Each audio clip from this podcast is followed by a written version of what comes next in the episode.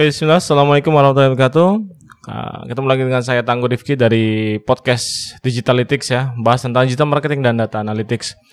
Cuma kali ini saya mau bikin season ketiga, uh, jadi berbeda episode lah sebelum ada bahas yang digital marketing, analitik. Mungkin ini secara general, soalnya saya beberapa kali ini belakangan ini di Desember lah, kurang lebih di November, saya cukup cukup lumayan membaca buku dan tertarik dengan bahasan-bahasan yang sudah mengarah cara berpikir, pemimpin, menginspirasi, konten marketing dan lain-lainnya. Mungkin sesi yang akan saya bikin kali ini adalah uh, apa yang saya baca, ada cerita kisah itu suka saya catat kadang-kadang. Bahkan saya bikin suatu pola di mind map atau saya bikin note di bagian note saya.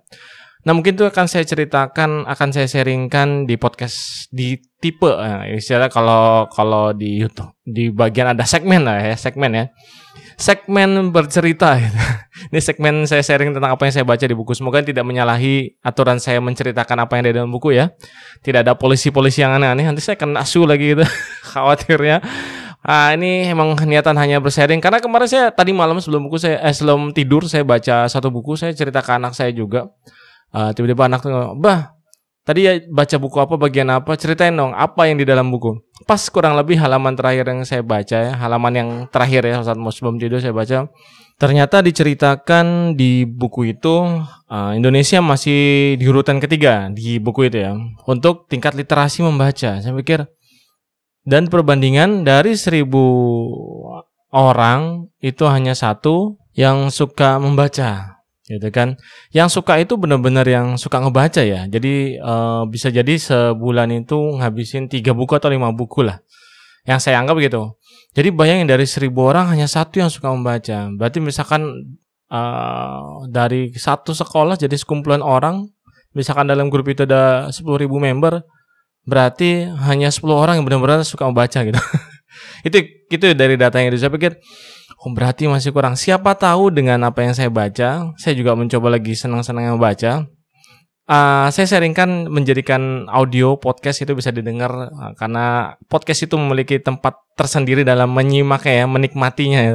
Kalau buku kan memang harus ada waktu duduk gitu kan. Nah, kalau podcast bisa jadi sambil jalan. Nah, ini uh, saya ingin sharing-sharingkan di sini. Nah, mungkin ini pembuka awal ya. Uh, kenapa saya bikin segmen ini? Segmen bercerita tentang apa yang saya baca dan saya pelajari mungkin ini banyak lah materi-materi yang saya bisa sharingkan tidak hanya dari buku bisa jadi dari e-course e-course yang lain bahasan-bahasan yang bisa saya implementasikan di tempat saya atau di tengah diri saya di tim saya di digital marketing atau cara mengambil suatu keputusan nah oke okay, uh, di awal ini saya ingin bercerita tentang kisah tentang studi banding sekelompok eksekutif mobil Amerika pergi ke Jepang saya ambil dari suatu buku.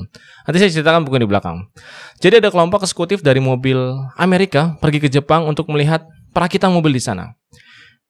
Di ujung alur perakitan, pintu-pintu mobil dipasang di engselnya sama seperti di Amerika. Jadi ngelihat nih, oh ternyata sama lah, pasang engsel ya kayak gitu-gitu aja gitu. Tetapi ada sesuatu yang hilang di Jepang saat uh, eksekutif Amerika ini mengunjungi nih Jepang. Di Amerika Serikat, seorang pekerja perakitan akan mengambil paru, palu karet dan mengetuk tepian pintu untuk memastikan pintu terpasang dengan tepat ya. Semacam tuk tuk tuk gitu ya. Nah, istilah duk duk duk duk. Nah, di set gitu. Untuk memastikan oh ini rapat nah presisinya pas ya.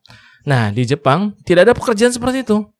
Bingung nih orang Amerika ya seorang eksekutif bertanya kapan mereka memastikan bahwa pintu itu akan terpasang dengan tepat? Seorang eksekutif dari mereka bertanya nih ingat pertanyaannya. Mereka karena bingung kapan uh, atau memastikan siapa nih? Kapan memastikan ya siapa? Gimana cara bahwa pintu itu sudah terpasang dengan tepat?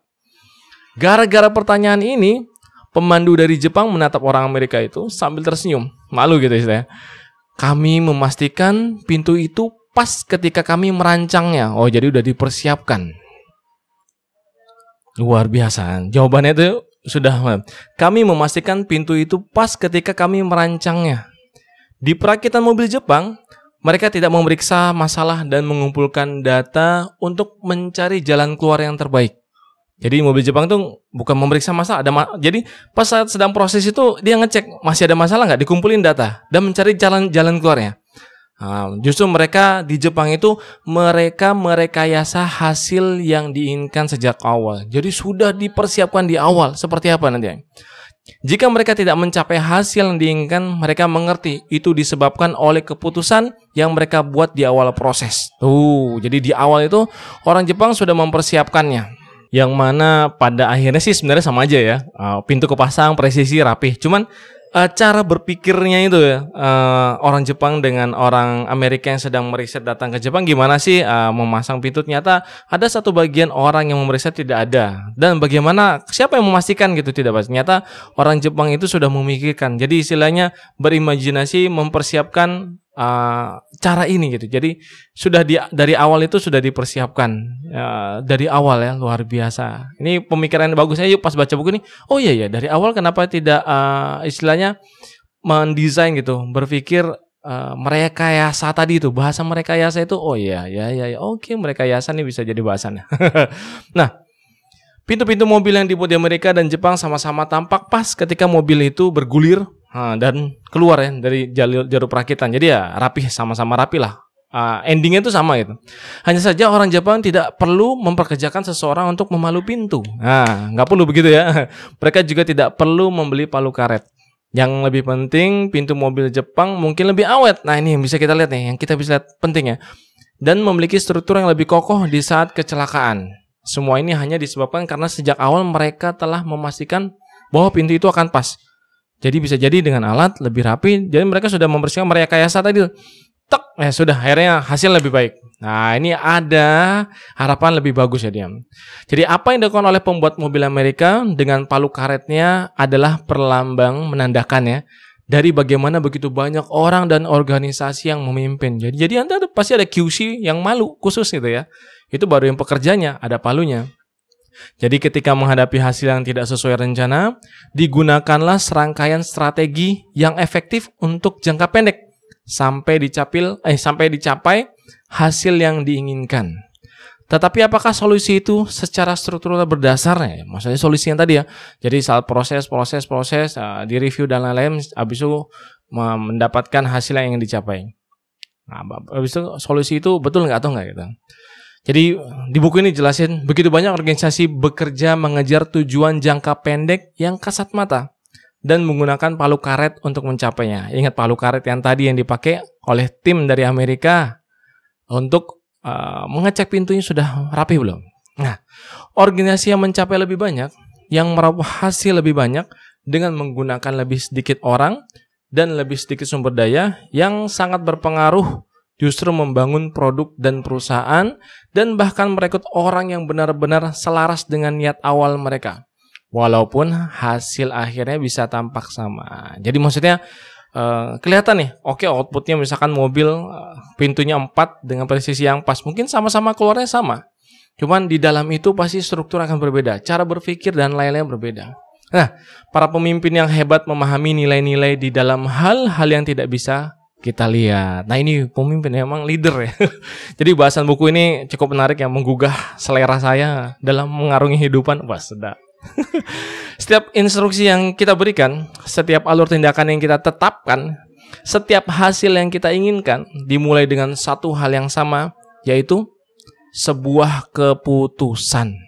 Ada orang yang memutuskan untuk memanipulasi pintu agar pas untuk mencapai hasil yang diinginkan, dan ada orang yang memulai dari tempat yang sangat berbeda. Meskipun dari keduanya ini memiliki output hasil jangka pendek yang mirip-mirip ya. Tadi yang pintu tadi oke, okay. selesai, output selesai, rapih, kelar. Outputnya sama. Nah, tapi ada jangka panjang yang tadi yang dibahas ya. Nah, itu akan dirasakan nanti dengan cara berpikir, metodenya, pola pikirnya itu masih ada efeknya di jangka panjang. Nah, apa yang tidak bisa kita lihat lah yang menjadikan sukses jangka panjang lebih bisa diprediksikan hanya pada salah satu di antara mereka tadi yang berdua itu ya. Yaitu mereka yang mengerti mengapa pintu harus pas berdasarkan desainnya bukan berdasarkan bentuk dasarnya. Wah, sedikit agak berat, semoga bisa memahami.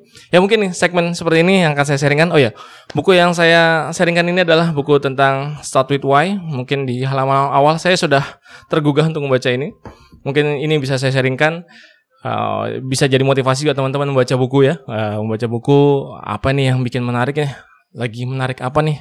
Lagi ada case bahkan saya ada beberapa satu buku yang untuk menyelesaikan problem solving itu mungkin problem solving setiap orang kan beda-beda. Mungkin saya cara yang punya berbeda teman-teman di tim berbeda atau dengan orang lain berpikir berbeda.